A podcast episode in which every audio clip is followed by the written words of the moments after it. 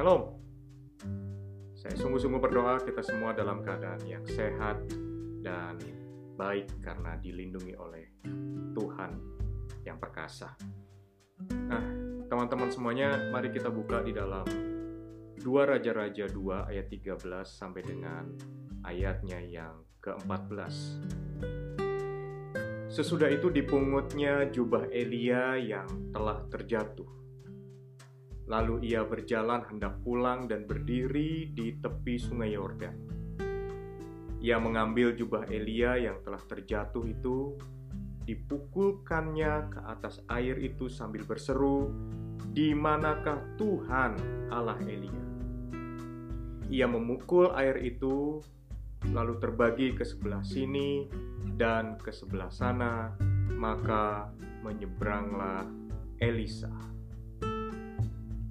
Teman-teman, pada saat Elia terangkat ke surga, Elisa menerima dua bagian rohnya Elia. Artinya Elisa yang akan meneruskan pelayanan yang telah dimulai oleh Nabi Elia.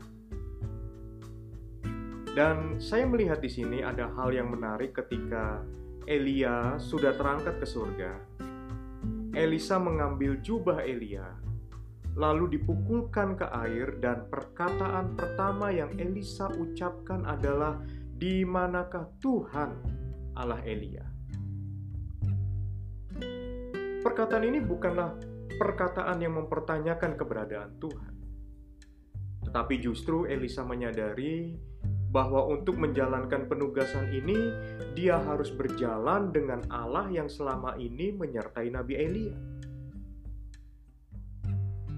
Kita lihat di sini ada sebuah kerentanan atau juga pernyataan ketidakmampuan yang Elisa utarakan dengan rendah hati. Sepertinya Elisa berkata, "Kalau aku tidak disertai oleh Allah yang menyertai Elia, maka aku tidak akan sanggup melanjutkan pelayanan ini."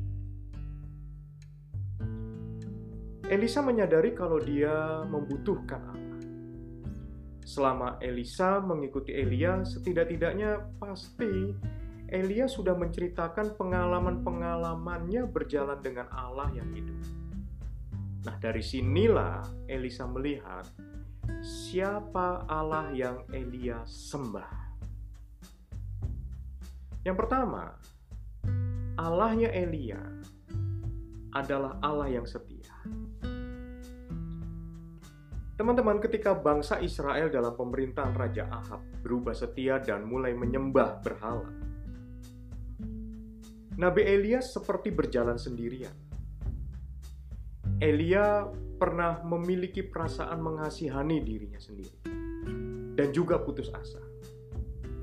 Tetapi ketika dia menyendiri, Allah justru mendatangi dia dan memberikan kekuatan. Kalau kita baca di dalam satu Raja-Raja 19 ayat 9 sampai dengan ayatnya yang ke-10 dikatakan di sana masuklah ia ke dalam sebuah goa dan bermalam di situ. Maka firman Tuhan datang kepadanya.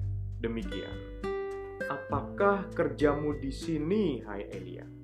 Jawabnya, aku bekerja segiat-giatnya bagi Tuhan, Allah semesta alam.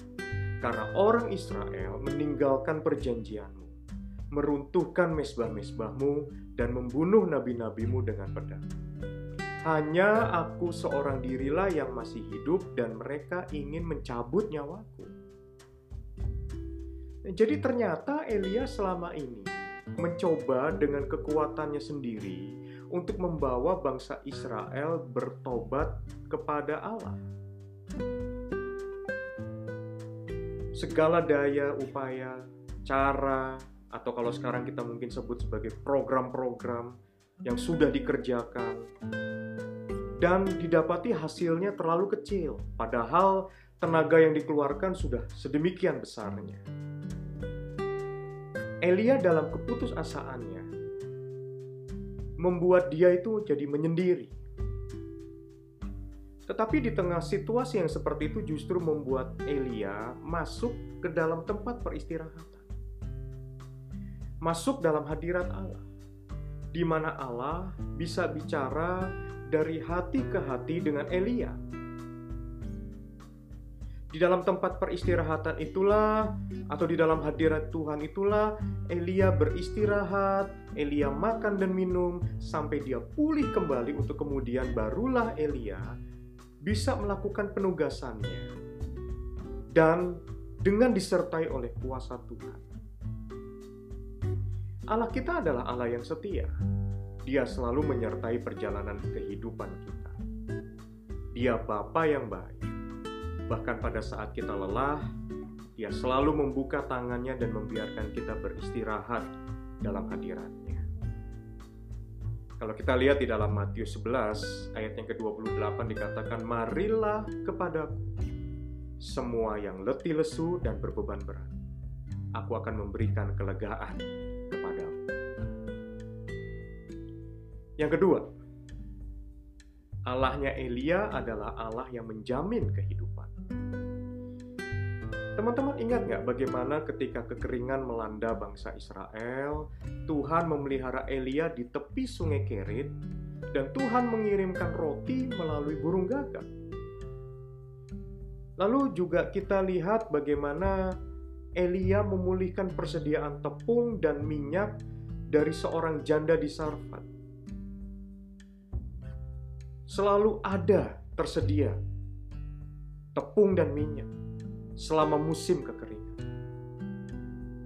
Nah, kita lihat di sini bukan saja Tuhan memelihara kehidupan Elia, tetapi Tuhan juga memakai Elia untuk menghadirkan mujizat di hadapan mereka yang membutuhkan pertolongan.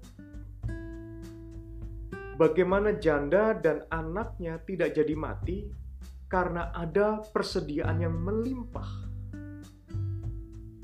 Tuhan melakukan mujizat melalui perantaraan Nabi Elia.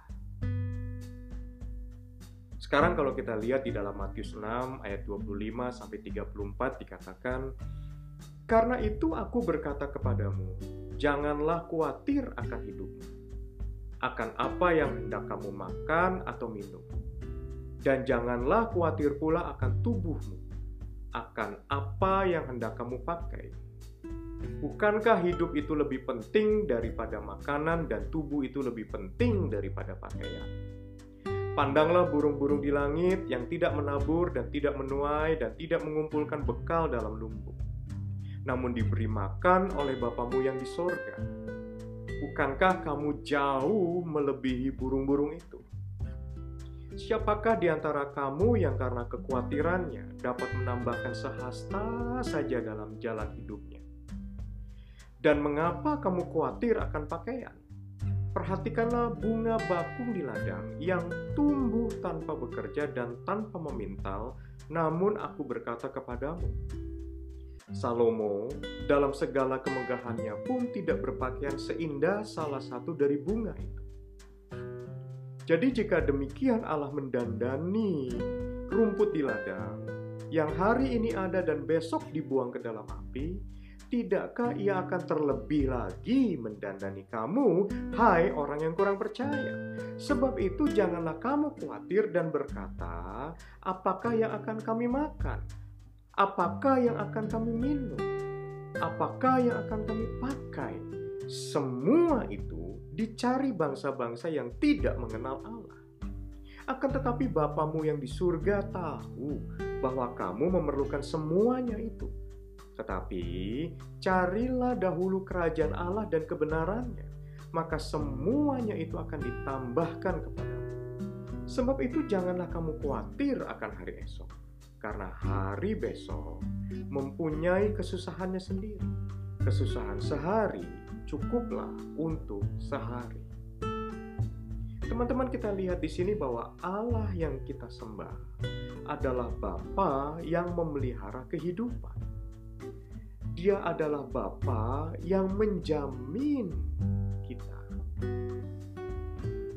Itu juga berarti bahwa Tuhan yang melakukan mujizat untuk dan melalui Elia. Tuhan yang sama juga akan melakukan mujizat untuk dan melalui kita. Apakah Allah berubah? Tidak. Dia bisa dan masih melakukan mujizat sampai sekarang. Yang ketiga, Allahnya Elia adalah Allah yang menjawab doa. Teman-teman ingat nggak bagaimana Allah menjawab doa Elia supaya tidak turun hujan selama tiga setengah tahun? Lalu Elia juga berdoa supaya hujan turun. Bagaimana ketika Nabi Elia berdoa dan api dari langit turun membakar habis korban persembahan? Tuhannya Elia yang juga adalah Tuhan yang kita sembah itu adalah Tuhan yang mendengar dan menjawab doa. Kalau teman-teman perhatikan di dalam Yakobus 5 ayat 17 sampai 18 dikatakan Elia adalah manusia biasa sama seperti kita. Dan ia telah bersungguh-sungguh berdoa supaya hujan jangan turun dan hujan pun tidak turun di bumi selama tiga tahun dan enam bulan. Lalu ia berdoa pula dan langit menurunkan hujan dan bumi pun mengeluarkan buah. Elia adalah manusia biasa, sama seperti kita. Tetapi dia berjalan bersama dengan Allah yang luar biasa Elia berjalan dalam penugasannya. Itu juga sebabnya pengurapan dan kuasa Allah menyertai pelayanan Elia. Tetapi dari mana datangnya penugasan itu? Dari hadirat Allah. Tempat di mana Elia beristirahat. Tempat di mana Elia dan Tuhan heart to heart, bicara dari hati ke hati. Di situlah Elia mengerti dan mengalami perasaannya Tuhan, hatinya Tuhan. Barulah setelah itu Elia menerima penugasan. Nah, jangan memulai pelayanan tanpa penugasan